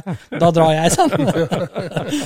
Så han har tre andreplasser det året der. Han, han syntes det var rart, da. Det var summa på 8000 omregninger på en motor som var halve han sin, og bare pila ifra han. Så han begynte å ta innpå meg på slutten, da, for han hadde jo 4-6-7 hjemme, men han klarte ikke å ta meg igjen. Så, så det, ja da, første den er, den er basert på meg. Det er ikke noen virkelig historie. Det er mye sånn street unlegal kjøring. Men jeg har ikke kjølekapp med unga i bilen til Nordkapp. Men så vrei han litt på det, da, for han syntes det ble mer drama med far og datter istedenfor far og sønn. Ja. Og sønnen min har diabetes, og dattera i filmen har nøtteallergi, så det ble vridd på, på den måten der, da, selvfølgelig. Skjønner, skjønner. Så basert på, det er ikke 100 sann historie, men Nei, det er jo litt sprøtt. Det er ikke så mange som vet akkurat det, da. Nei, men det Men, uh, men Se og Hør eh, snappa opp den historien, da, så det, man skal ikke tro på alt du ser i Se og Hør heller, da. Men, ja, ja. Jeg skjønte det godt, i hvert fall, når jeg så, så Burning igjen med gutta mine. Ja, ikke sant? Ja, altså det, men så har det jo videre utvikla seg. Man må jo hele tida passe på da, liksom Halvard og skuespill og sånt. For det, det er, skuespillerne er jo en kjempekul gjeng som, som har en, syns dette er jævla moro å dra på tur. Vi er jo, det er jo kaos eh, på tur hele tida. Men når Halvard legger inn en sånn setning at jeg skal komme en inn da, på Burning 1, og så skal han ha overhalt coilen sin. Da må jeg si til den, du. Han syntes Coil var så kult navn, da, men det er ingen som overhaler en Coil, vet du. Å nei! Da måtte vi vri om det til noe annet, da. Så man må hele tiden inn og passe på sånn at det stemmer, liksom. Og så er det så veldig du, viktig du er bilfageksperten, selvfølgelig, i eh, hele systemet der. Ja. Putter inn masse setninger som gjør at det skal liksom stemme litt og sånt noe, ikke sant. ja. Så, og så er jeg jo, var jeg litt bilansvarlig da, i disse firmaene. Alle statistbilene passer jeg på. Altså jeg passer på at det blir veldig blanding av biler. Det syns jeg er veldig viktig. Det skal ikke være bare ikke sant? Folk tror at når jeg skulle være bilansvarlig, så kommer det til å være 900 Mustanger. Mm. Det er det jo ikke, men selvfølgelig er det over, litt overheng på Mustang, for det er logisk, for han driver jo en Mustang-butikk. da. Ja, Mm. Eh, ikke bare Mustang-butikk, men så passer vi på at uh, utafor butikken står det litt andre biler, og med på turen så er det jo tatt med Ford Sierra, Ford Capri, masse kule biler hele, oppunder hele veien. ikke sant? Camaro og Corvette. Alltid passer på å ha med Chevy òg, så vi liksom, liksom ikke blande sånn at vi, det blir for nedverdigende sånn, da. ikke være for rasistisk. Nei, nei, nei, det er jo veldig farlig, i hvert fall i dag. da. Men altså, nå, nå har, har- du blitt eh, på en måte filmmaker på heltid nå, eller? Altså, Nei, nei, nei, nei. Du, du, du, Nei, Ponyparts er jo på fullt, ikke ja, ja, Ponyparts ja, er på fullt, og det er ikke Hollywood vi snakker om. Men, så... men Lillegur nå, er den bare, eller altså, i hermetegn bare en filmkjendis nå, eller, eller herjer du med den fortsatt og kjører og Kjører masse race med den, Ja, men jeg fikk jo ikke kjørt noe i fjor, for det hele fjor laga vi, laga vi burning. Jeg kjørte ett et løp da, eh, på akkurat i en sånn pause i filmen. Da knuste jeg jo dette giret, da, selvfølgelig. Så det var dårlig tid på det. Men nei, nei, året før kjørte vi masse bilrace race med den. Men det problemet med nå, at nå er han jo i sånn litt ingenmannsland, da, for han går jo altfor fort. Så i, i Street Legal så er det jo første andre som begynner å bremse, da, for ikke å bli kasta ut. Og i drag racing så går det jo ikke, for nå har de riktignok flytta denne grensa med buret da, lenger og lenger nedover. Så nå er det ned til 11 blank, men altså jeg kjørte jo 11-2 med en 289 for eh, 17 år siden, og det går mye fortere nå, så det er ikke noe hensikt å løse vognlisens og prøve engang. Og jeg kan ikke hogge opp den bilen innvendig og begynne å lage bur, eh, åttepunktsbur inni den bilen og skjære i stykker den bilen. Men har du bøyle, eller? Nei, jeg har ingenting. Det er ingenting. Nei, nei, og jeg kan jo ikke sette deg i det nå heller, da. ikke sant? Nei. Og så er det jo sånn da, hvis du skal ha bøyle på en bil på gata, så må du nedregistrere i toseter. Jeg hadde jo, jo hatt to unger og sånt, og jeg bare, kan ikke ta ut baksetet. Jeg vil ikke hogge opp den bilen, så Nei, Og så kjørte jeg ja, jeg kjørte dragracing i 13 år, da. Men jeg kjørte dragracing med to biler òg, samtidig. Jeg hadde en annen gul Mustang, sånn Super Comp Mustang, som gikk åtte sekunder på kvartmila. Det var ganske heftig. Ikke at det var heftig, den hadde jo fallskjerm og sånn, men det som var heftig, var at du skulle kjøre da, samme stevne i to klasser. Da sier jo løpsleder alltid meg vi driter i deg, vi venter ikke på deg, det er ditt ansvar. Ja, det er greit. Men når du går videre da, i flere runder, så får du jævla dårlig tid. da. Så den, den ene bilen, da, den lillegule, da, da gikk jeg jo i bracket, da, hvor det var sånn uh, blink gult, gult, gult, grønt. da, Og manuell gir, ikke sant. Og flatt jern nedover, kommer tilbake igjen da, i, i returlane, hopper ut av bilen. Der står en kar og tar imot bilen akkurat og kjører inn i depot, løper over startplattet, kaster meg inn i den andre bilen da, og setter på sikkerhetsbeltet. Og kompisen har jo ikke lov til å starte den bilen, ikke sant. Og da er motstanderen min allerede i burnout. ikke sant? På med beltet, og skal vi se, dette var automat og prostart. Oi sann, det var noe helt annet. Så det, var, det ble jævla kaos, men det var veldig morsomt, da. Men den andre, den andre bilen har ikke jo lenger Nei, den har vi solgt. Den gikk jo også veldig for fort og steila og tok jo helt av, så det var jo Kjørte i Danmark med den, og da hadde de ny, ny asfalt da, på banen nede i Danmark der. eh, Og da og jeg skrudde jo Willybarsa opp, for jeg syntes det var morsomt med kjempehjulløft. Og kompis, Carl han var så lei av å sveise båndpanner og sånt, så han skrudde Willybarsa ned. da. Så det var en sånn liten intern kamp der, da. Men eh, vi steila, og den slo nedi så hardt, da, en sånn motorplate, og lagde spor da ute på sånn løpslederen i Danmark. kom og sa 'Se her, sånn, du lager alle de spora i banen vår her når du slår nedi'. Men jeg kan ikke kaste deg ut, for det er publikumshelt. Men skru Willybarsa litt strammere! Ja, sa vi. Nei, da gjorde ikke det. Har det vært noen rivalisering med noen svensker, da? De, Nei, ja. Mange av dem kjører jo fort, men uh, Ja da, altså, det, hvis det, dette er litt sånn drag racing, da. det er noe som heter throttle stop. da. Ja. Det er, Hvis jeg forklarer det for de som hører på, da, så, så er det sånn at eh, Jeg prøvde, da. altså, De har ofte sånn at de har biler som er litt for raske til den tida, den klassen de skal kjøre i. Altså, du, det er Klasser er inndelt sånn, du får ikke lov til å kjøre fortere enn sånn og sånn. Eksempel 890, da, som vi ofte kjørte. Så gikk bilene deres fortere. Så dro de av gårde, og så roa automatisk, var sånn datasystem, som roa ned bilen bitte, bitte litt rann, i en kanskje ti, eller halvt sekund, eller noe og så kom bilen full gass.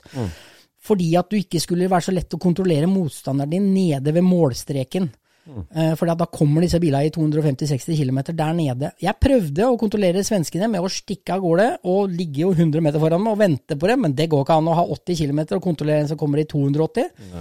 Og disse svenskene, det var sånn, de, de slapp én knapp. Det var alt de gjorde på racing. Og det syns jeg var, det var så dumt å kjøre med værstasjon og trottelstopp og eh, luftgiring og sånne ting. Det var vi helt imot. Så dette her er da i 2001.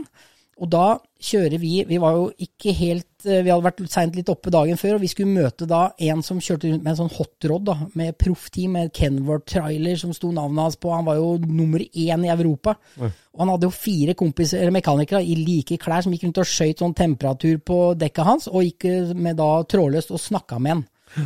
Og da tenkte vi at fy faen, ikke har vi trottelstopp, ikke har vi ingenting. Så jeg putta en sånn den gangen, da, sånn der propp i øret på Carl, da, på kompisen min. Han gikk jo i fillete olabukse og en skrutrekker, da. Han hadde jo ikke noe å skyte på dekka og måle temperaturen, vi, da. Så jeg burna langt ut som vanlig. Da. Han var jo ikke i stand til å løpe ut og hente meg tilbake igjen som de andre gjorde, så rygga jeg tilbake igjen. Og da sa jeg til han, hadde vi blitt enige, at bare stå, bare stå og skravle, så sitter jeg bare inne og nikker og rister på huet, så later vi som vi har sånn intercom, vi òg. Og da drar av gårde, vet du. Men og den Mustangen var jo nok en gang altfor rask, da. Så da bare, når den steila så helvete, så når med den landa, så slapp jeg gassen og henta opp han finnen helt der nede, da. Og hadde pulver nok til å ligge i siden av da, og snike meg inn foran re- rett før mål, da.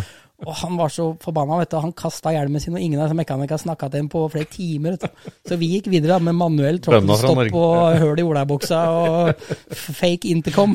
Ja, Altså, litt- litt Lillegul har eh, egentlig gått for, litt for langt. Da, på en måte. Den går for, den går for fort, så du får ikke kjørt dragracing. Den er for brutal på gata. Ja, det, det er egentlig der, da. Så, men vi kjører veldig mye street legal men for nå er det lov til å kjøre sånn sit-in. Ja. Og, og vi kjører jo, for denne er jo, bilen er jo teknisk godkjent fra og belter og stol og alt mulig på, på passasjersida, så vi kjører sit-in med, med ungdommer og barn og alt mulig rart. Det er klart at Det kan jeg anbefale. Ja, Eh, men det Jeg har er, vært med på sånn litt ufrivillig sit-in i Lillegult. men det som er der, er at eh, når arrangørene Ofte så kommer vi på stedet og sier at dere kan lodde ut sit-in-turer og alt med Lillegul, og så folk kan sitte på, men det, altså, noen av dem selger disse turene, det syns jeg er litt dårlig gjort, syns det er bedre å lodde dem, ja da, men, men noen ganger så er det liksom, det er jo begrensa mange drag du får tak i, men når de har 127 navn på lista, vet du, du får ikke kjørt 127 drag på en dag, vet du. Så det er det sånn fem-seks stykker som får sitte på, da. Og så har vi kjørt på sånn Rudskogen, da, baneracing, kjører på sånn kreftforening, eller kjøring for kreftsyke barn. Ja. Det, er, det syns jeg er veldig givende. Det gir mye tilbake. Å se den gleden du kan oppnå ved å gi så lite for meg, som betyr så mye for andre. Det er det hele greiene med Lillegul som egentlig betyr noe. At vi har alt rundt Lillegul er egentlig gratis. altså Det er gratis plakater, klistremerker. Alle får sitte i bilen. Når jeg var liten, så var Il Tempo Gigante det var helten. Du fikk jo ikke lov til å gå i nærheten av den bilen. Det var alltid sperrebånd rundt og sånt noe. Sånn er ikke Lillegul. Så når vi har hatt Lillegul på store arrangementer, sånn som Oslo Motorshow og sånne ting, mm. for to år siden så hadde jeg to mann som kun tok folk ut og inn av bilen, og vi delte jo sånne her Lillegul-plakater som dere har, per som hadde vært inne i bilen. Og det er ikke dekka mine som blir slitt, altså det er dørhåndtak og sete. For da hadde det sittet, da hadde vi gitt ut én plakat per person som hadde sittet i bilen, og da var det gitt ut 4200 plakater i løpet av tre dager. Så det blir jo dørhengsler, dørhåndtak og sete som blir slitt på den bilen der, altså ikke bare bakhjula. Men det å se den gleden, da, at noen liksom Eller hvis jeg møter noen altså jeg, ikke jeg kan ikke fylle bensin i fred eh, på en bensinstasjon, jeg kan ikke kjøre i fred på gata. Når du står et sted, så kommer folk bort og lurer på om de kan ta bilde av bilen. Da. Og så sier du at eh, du vil ikke heller sitte inni, ja, så kan jeg ta bilde. Og du ser hvor, hvor mye det betyr for folk.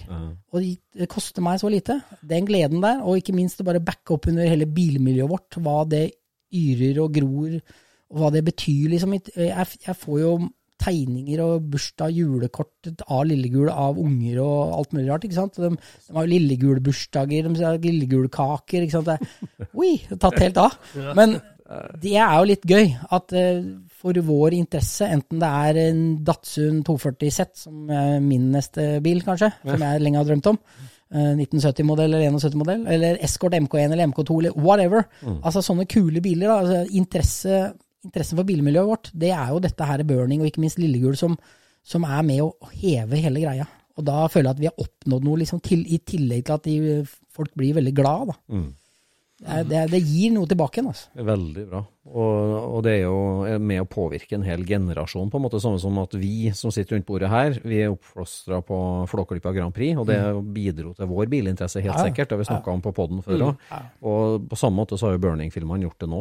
Flåklypa er jo verdens beste film. verdens beste film. Verdens beste film. Og ja, elleve ganger på kino i Trondheim, med. 17 her. Så det var jo Men altså, var det gjør jo Burning med den ja. kommende slekta nå, og det er jo, eh, Det er jo altså- helt topp. Jeg tror det var, eh, jeg husker ikke, jeg mener det var Åse Kleveland jeg, som sa til meg på Burning 1 når vi var der, så sa hun at, og lurte på om jeg var klar over at Norge hadde tre eh, nasjonalbiler.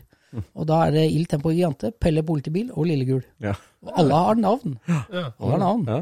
Så for den yngre garde så betyr det noe at den heter Lillegul, og ikke den liksom 67 Mustang Fastbacken, liksom. da. Så, ja, så det tror jeg det Men gjør det, litt der har jo vært en spesielt, viktig også. ting for deg, Rikard, med det der å være med å gi tilbake til bilmiljøet. Altså, en ting å rekruttere nye Mm. barn, selvfølgelig. Det er jo fantastisk flott. Vi snakker ofte om det her på poden vår, og det er med at bilmiljøet er som et, eh, et svinghjul som ruller på og som ruller på. Mm. Noen entusiaster er innom og egentlig bare høster ut Mm. av det, men, men det er så viktig å være med å gi momentum til det svinghjulet. At, det- Mm. at det svinger på, det ruller på. og Det gjør du en fantastisk jobb med, altså, med det Mm. du gjør med Lillegul. Ja, takk. Ja, det, det, er, det er viktig for meg. Det er veldig viktig for alle oss, altså den lekegrinda her som vi elsker å være i. Mm. sant? Å leke med bil.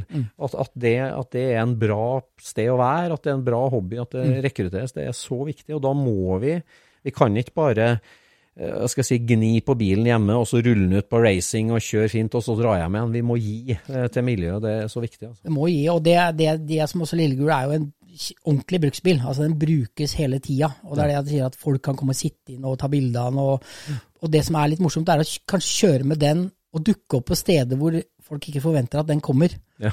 Den er liksom, det er ikke noe, den kommer på Mustang-treff, ja, men det er jo ikke noe så gøy for meg lenger. Mye mer gøy for meg å dra, stikke innom et M-treff, et folkevogntreff, eller Carson Eh, Coffee, eller et eller annet Carson Coffee eller noe sånt. Nå, liksom, det er på noe helt andre greier. Morsomst er når du, eller noe, Noe av det morsomste er når du ser enten sånne første-andreklassinger på tur eller et eller annet, så kommer du kjørende, så ser du litt hvilke barn som på en måte er potensielle, hvor det da er Eller barnehage, for eksempel. Du ser sånn femåringer da, som snur seg og, og gliser og snubler omtrent, og da smiler øra rundt, og så er det, det er jo da 18 av 20 som smiler, og så er det to som holder for øra.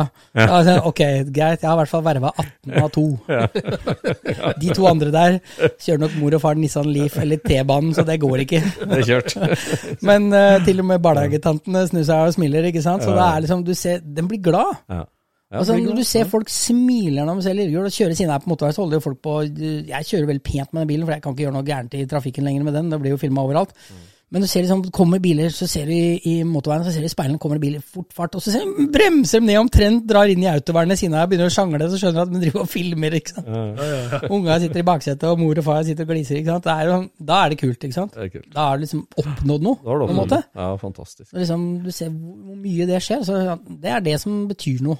Og det at dere nå skal lanse film nummer tre, og viser jo at uh, det, ja, det er et Film solid nummer tre, ja. Det, var, eh, det var det er en liksom lang historie, bare det, men det, den, den blir jævla morsomt. Og det er mye, vi, nå kjører vi fra Trollstigen da, til, til til Nürnbergring i Tyskland.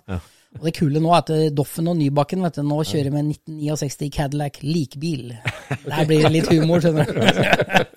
og nok en gang så har vi passa på å ta med oss veldig mange eh, forskjellige emner av miljøet. da. Vi har med oss en sånn Grounded Crew, sånn ungdomsbilgruppe ute i Follo. De kjører Volvo 240 og, og BMW 3-serie og sånne ting. Er med på dette her. Alle sjikt da, på en måte av bilmiljøet som skal være med på dette. her. Men det som jeg må fortelle en lynkjapp en uh, dere, dere må bare pælme ut meg, for jeg sitter her i mange timer. Men det som er kult, da når liksom, Du kjører en 53 år gammel Mustang, da, og så opp Trollstigen. Der er, der er vi tre stuntmenn. Det er ikke så veldig mange stuntmenn i filmen her, men vi er Fredrik Aasbø, meg, og så er vi en veldig flink tysker. Og kjører en Porsche som kosta 450 000 euro. En et versting-Porsche. 911 GT3 RS Tech-Art. Jeg har aldri sett så mye karbon. Jeg visste ikke det fantes så mye karbon i verden. Den bilen er helt rå. Den har jo bremser som er helt sinnssyk. Og han eh, som kjører den bilen, han er helt rå på å kjøre, men han ble jævla svett. Rudolf von Schnellfaren? Ja, det var, det var von Schnellfaren, det skal jeg love deg. Husker du hvilken plass han kom på i filmen? Uh, nei, Nei, han kom på tredjeplass.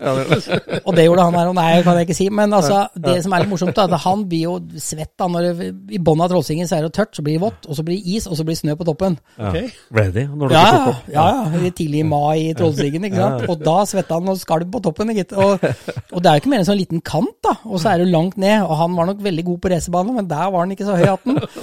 Men så var det jo tørt noen dager, da. Og da så kom vi til disse her hårpinne... Vi skal jo kjøre forbi hverandre opp trollsingen. Vi kjører jo fort, altså. Men det er klart vi skal Da er det én liksom, driftingbil, da, og den Porschen, og så ja, og så Lillegul. Lillegul, da. ikke sant? Sånn, Og, men det er klart, vi skal, kjøre, vi skal ikke kjøre kapp ordentlig. Vi, er jo, det er, Ja. vi veit jo når vi skal kjøre forbi hverandre, men fortsatt så er det jo scary. Og jeg fikk ikke noe tilbud, og jeg har ikke noe ABC, ESP og traction, ingenting på en gammel Mustang. Men det som er litt morsomt, da, jeg har liksom regi- regissøren på det ene øret i walkietalkie, og så har jeg en sånn tysk stuntkoordinator i det andre øret, som passer på liksom Nå, gi gass, brems, fortere, saktere! Og han skriker og hyller om alt mulig rart, ikke sant. Så dette skal stemme. Vi blir jo filma av helikopter, optokopter og masse kameraer overalt, da. Og så liksom kommer vi til disse Da, da er Porsche bak, da. Og da, jeg, det er heldigvis, da, for at Porsche kan det ikke være foran meg og bråbremse, da går det jo gærent, for den har jo fantastiske bremser. Kjøreegenskaper og alt, da. Men da er jeg liksom, kommer jeg forbi Porsche, og så skal, jeg, vi skal vi rundt mange av disse her 180-graderne, og så skal vi fort da, opp i hastighet, klin til. Og da liksom hører du fra øret på han der tyskeren, og du, dere veit jo hvordan tyskere prater engelsk, det er jo litt spesielt, da. Hører Richard, Richard, wait for the Porsche, wait for the Porsche! Da klarte ikke Porsche å henge med den der gamle 53 år Mustangen i aksen, vet du. Så jeg bare kaching! Hadde ikke kjangs, vet du. Og tyskeren, what the fuck is this? Sa på dårlig engelsk. Han putta på gira på den der Porsche, vet du. 600 hesters Porsche. på- Padleskift. Hadde ikke kjangs. Men han, han var flink, ass. Og, Ja, det var du òg. Det var jævla mye gøy. Ja, dritartig. Det skjer, mye rart i denne filmen her. Altså. Den blir faen jævlig morsom. Det var artig. For den lanseres nå straks, ikke Ja da, Vi har akkurat nå måttet dessverre utsatt den da, til 9. september, da. Ja. Men det er for å få litt uh, flere på kino. Så Ja. vi, vi kommer til å kjøre en sånn førpremieretur rundt i hele Norge. Det har vi gjort tidligere òg. Ja. Da besøker vi, Nå skal vi også, hørte jeg Bergen, men det blir Bergen og Trondheim og sikkert Ålesund, hvor vi har vært og spilt inn veldig mye rart. da, i Trollstigen, og sikkert Tønsberg og Gjøvik og rundt omkring. Så det er bare det er, Ser man Lillegul på veien, kom bort og si hei, få gratis plakat. Det koster ikke noe. Det er viktig. Ta med til unga og ta med til garasjen og sånne ting. Det er litt eh, Det er kult. Det er veldig bra. Veldig bra. Men eh, din egen bilinteresse nå, da, liksom, Rikard? Altså, nå, ja, du, bilen din har blitt filmstjerne, som du sier. Du kan ikke kjøre den sånn som du pleide, og du må holde deg skinnet. Skrur du noe mye, eller bygger du noe mye, eller nytt, eller Nei, jeg, kan jo liksom ikke bygge om den. Jeg har i mange år tenkt jeg skulle både bytte felger og masse rart på den bilen, men det går jo ikke lenger. Nå Nei. må det bare være sånn. Ja. Eh, Men jeg har jo to andre da, lillegule kopier, da, eh, hvor det hoppa litt i stad. Men guttungen min han har nå tatt over den, for jeg kjøpte ut den som ble krasja. Når jeg kjørte gjennom noen vegger og hoppa, så ble den skada, den derre kopien som filmselskapet eide. Men så kjøpte jeg den ut, da, for den hadde jo rasa motor og var bulket og alt. da.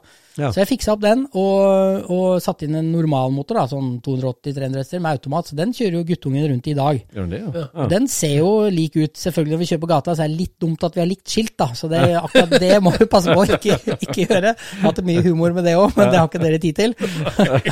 Så det har skjedd mye rart i Trøndelag, blant Ja, ja. annet. Jeg hørte noen historier der Ja, på ja, ja. Østerdalen med fotoboks og Ja, ja, greier. det, hvis du har tid, så er det jo ingen som kan slå oss på fotoboksen. Skal vi ta den? Ja, må ta, ta det tar et minutt. Ta. Ok, men dette er Burning 1.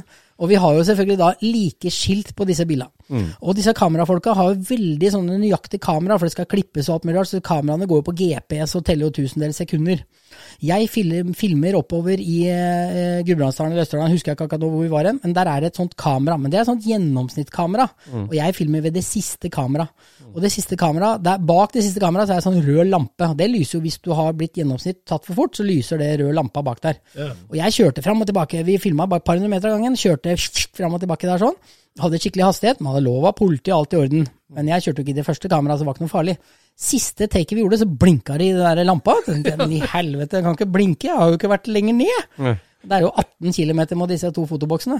Og så spurte jeg han politimannen, og blinka det der? Så jeg, nei, det hadde ikke han noe med, for det var sånn kontorgreie. Det var ikke politiets greie, da. Det var sånn kontorfolk. Og så spør jeg disse kameragutta, hvor er det dere filma inn i dag, da? Nei, vi filma 18 km lenger ned. Ja. Ok, for å synke disse kameraene og ser, da, så viser det seg at det, da Anders Basmo i lillegul kopi, da, med selvfølgelig da mitt skiltnummer, han klikker inn i den første fotoboksen. Hvorpå da 18 km lenger opp, så klikker jeg da med samme bil og samme skiltnummer, da, syv sekunder etterpå. Ja, ikke sant? Den er lei. Den var 3859 km, var det den som regna ut. Så det Tenk deg han som fikk den inn på bordet, han kontoristen. Jeg tror vi skal sjekke seg fotoboksa i Østerdalen, jeg. Så jeg tror det er vanskelig å slå meg akkurat der. Altså. Jeg synd jeg ikke fikk den bota, faktisk. Ja, det hadde vært litt kult å ha på veggen. ja. egentlig. Men ja, min bilinteresse interesse i dag altså Nå har jeg jo disse tre lillegulbilene. Den ene, ene er banebil. Eh, og så har jeg en sånn 1995 Mustang som vi har bygd om sånn isbanebil, som vi kjører litt med om vinteren. Men det har vært litt dårlig vinter, så jeg har ikke kjørt på lenge. Eh, kjører en Focus ST til daglig, som er altfor farlig morsom å kjøre med. Men har lenge hatt lyst til å, å bygge noe helt annet. Ja. Eh, og Escort MK1, Escort MK2 har lenge vært noen sånne biler jeg har lyst på, men de har økt så voldsomt i pris. Veldig. Og en uh, Datsun 240 Z er noe jeg lenge har hatt lyst på. Jeg bodde i USA, jeg bodde i California i 83 mm. eh, til 84 bodde jeg der borte. Eh, og da var det veldig populære biler, og naboen han hadde en sånn bil som eh, selvfølgelig jeg fikk kjøre da jeg var 14 år gammel. Var ikke så nøye på det der borte i California. Så og jeg har lenge hatt interessen for de bilene der, og de blir dødstøffe med litt sånn bobleskjermer og sånne ting. Eller en Capri. Altså, det er mye, mange biler. Jeg kunne tenkt meg veldig mye rart. Altså. Jeg tror den 240 Z-en den ble jo bygd om med, med Ford V8 der borte av en annen produsent, gjorde den ikke det? Eh, ja, jeg har hørt noen rykter om at det var noe V8-er i dem der borte. da, For det var jo billigere å kjøpe seg en V8 på gatehjørnet og putte i, enn det var å overhale den Nissan-motora. Så det var, jeg husker jeg bodde i USA på den tida, så var det veldig stas for disse amerikanere å ha Jaguar. Det var litt sånn status, da, men alle hadde jo 350 Chevy-motor igjen, for de hadde ikke råd til den på service. Og da fikk du sånn adaptere, så det bare swap. Gikk du på Walmart, og så kjøpte du da brus og hamburger og grill, og, og så Chevy 350 og en automat. Det kosta jo ikke noe, ikke sant. Putta du det oppi Jaggen. Det var billigere enn å ha den på service, vet du.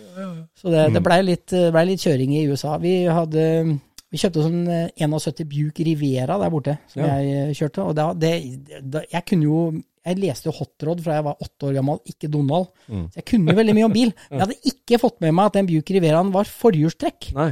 Så jeg og kompisen da var, vi var ved 13 år gamle og skulle ut og burne med denne. Vet og ut, og det kom jo ikke noe røyk av bakhjula. Han var veldig rar å kjøre da. Det røyk av forhjula. Så der lærte vi litt der, da. Selvfølgelig. Så du har um, verkstedplassen din, og, og der kan det hende ende opp med en Nissan. En, uh, Ja da, en ja. Datsun Datsun. 240 Datsun, det het ikke Nissan da, Nei, nei, nei, Datsun 240 Z ligger ligger høyt, og Kult. 71 Ford, eh, Ford Taunus òg, som var, liksom, var min første bil utenom Lillegul, da, som var den første vinterbilen min. Det hadde også vært morsomt å kunne få tak i seg en. da. En Suzuki Jeep, da, for det hadde jo mutter'n. Det kjøpte jeg, kjørte jeg veldig mye ulovlig med. Kjørte fra politiet med den òg, faktisk. Men det var, jeg kjørte ikke fort, da, for det, da snødde så jævlig. Og da bodde vi, det var rett før jeg skulle kjøre opp til Lappen, så da var jeg kjempenervøs. Kjørte sånne smågater. Ute i Bærum bodde vi da, jeg bodde overalt, vet du.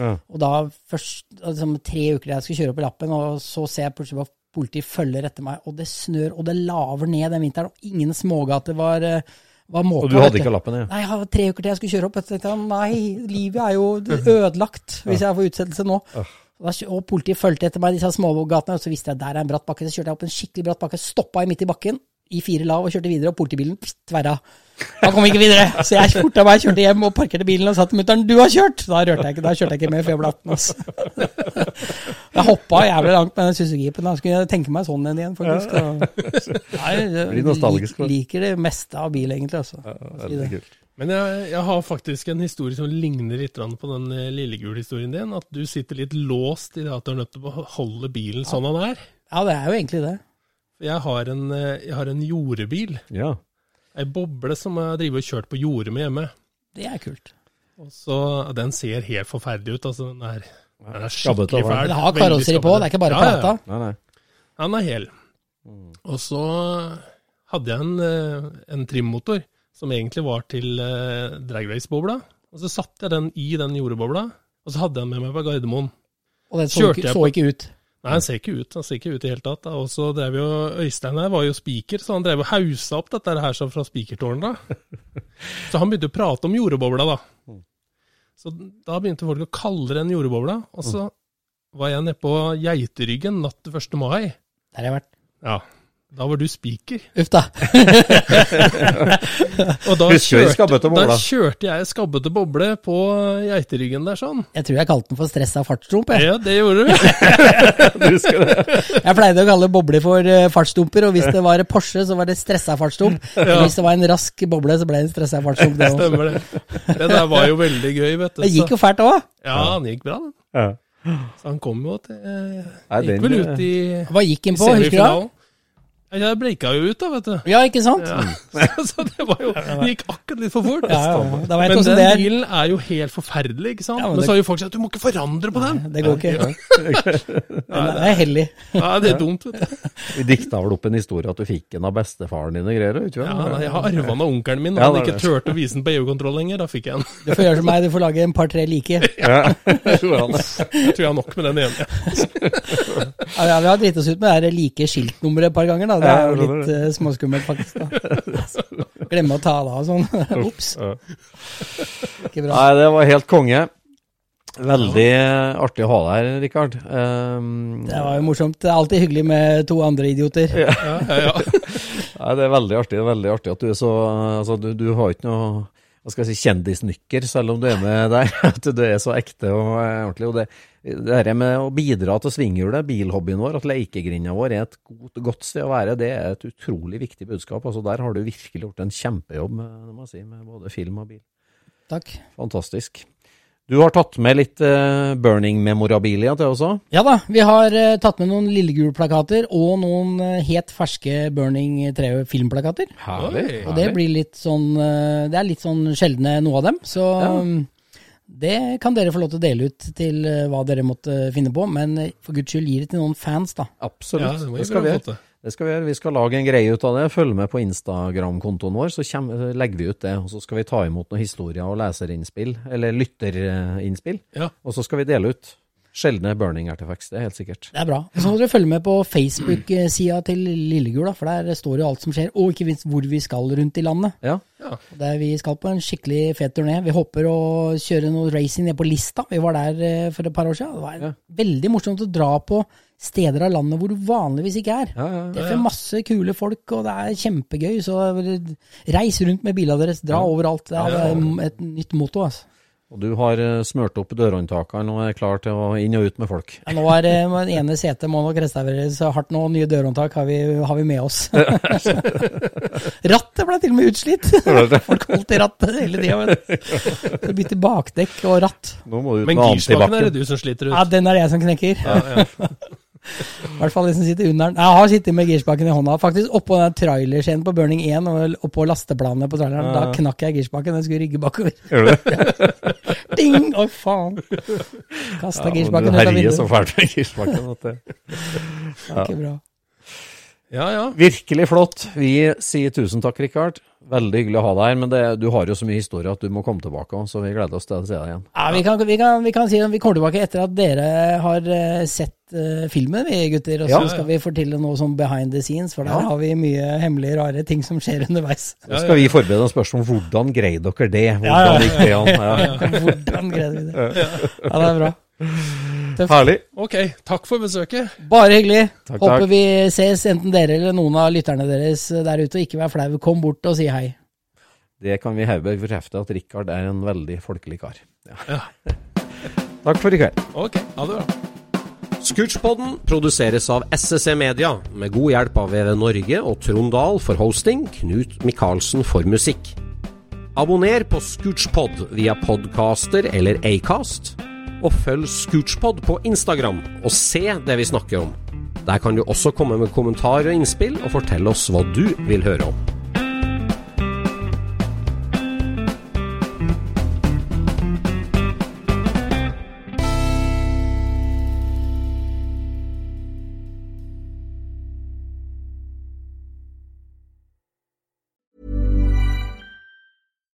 Deserves the best, and there's no better place to shop for Mother's Day than Whole Foods Market. They're your destination for unbeatable savings, from premium gifts to show-stopping flowers and irresistible desserts. Start by saving 33% with Prime on all body care and candles. Then get a 15-stem bunch of tulips for just $9.99 each with Prime. Round out Mom's menu with festive rosé, irresistible berry chantilly cake, and more special treats. Come celebrate Mother's Day at Whole Foods Market. Hey, it's Paige DeSorbo from Giggly Squad. High quality fashion without the price tag. Say hello to Quince. I'm snagging high-end essentials like cozy cashmere sweaters, sleek leather jackets, fine jewelry, and so much more. With Quince being 50 to 80% less than similar brands. And they partner with factories that prioritize safe, ethical, and responsible manufacturing. I love that. Luxury quality within reach. Go to quince.com slash style to get free shipping and 365 day returns on your next order. Quince.com slash style. When you make decisions for your company, you look for the no brainers. If you have a lot of mailing to do, stamps.com is the ultimate no brainer. Use the stamps.com mobile app to mail everything you need to keep your business running with up to 89% off USPS and UPS. Make the same no-brainer decision as over 1 million other businesses with stamps.com. Use code program for a special offer. That's stamps.com, code program.